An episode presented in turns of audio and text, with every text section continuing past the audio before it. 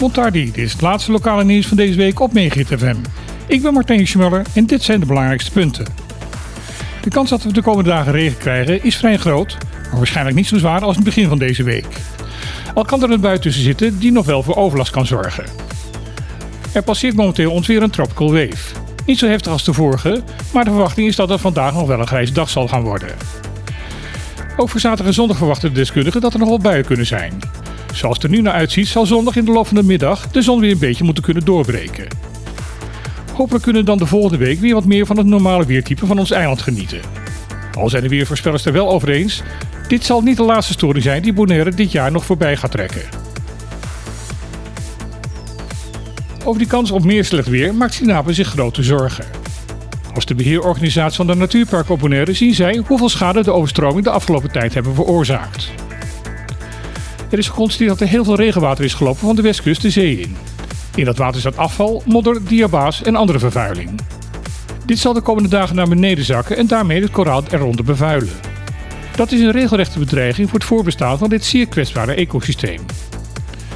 Het overstroom van de Celine de Vlijt heeft veel publiciteit gekregen.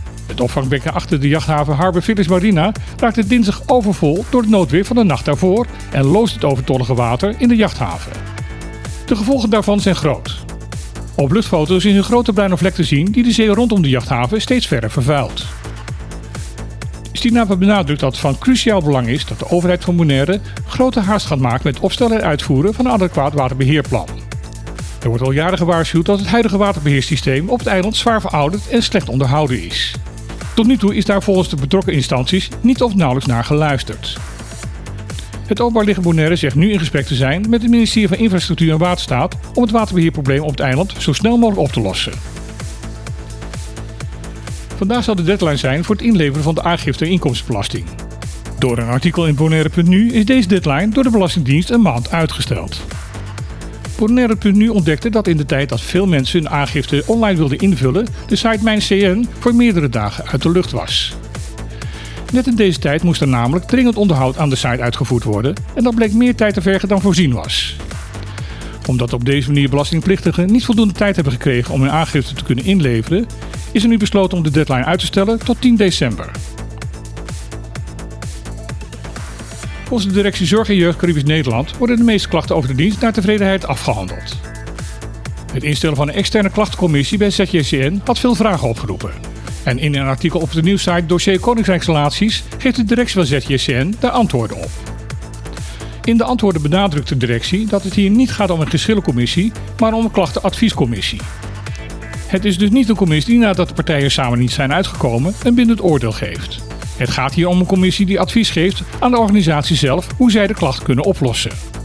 Daarom zo voert de directie aan, is het ook aan de organisatie wanneer de commissie wordt ingeschakeld en niet aan de cliënt die de klacht heeft ingediend.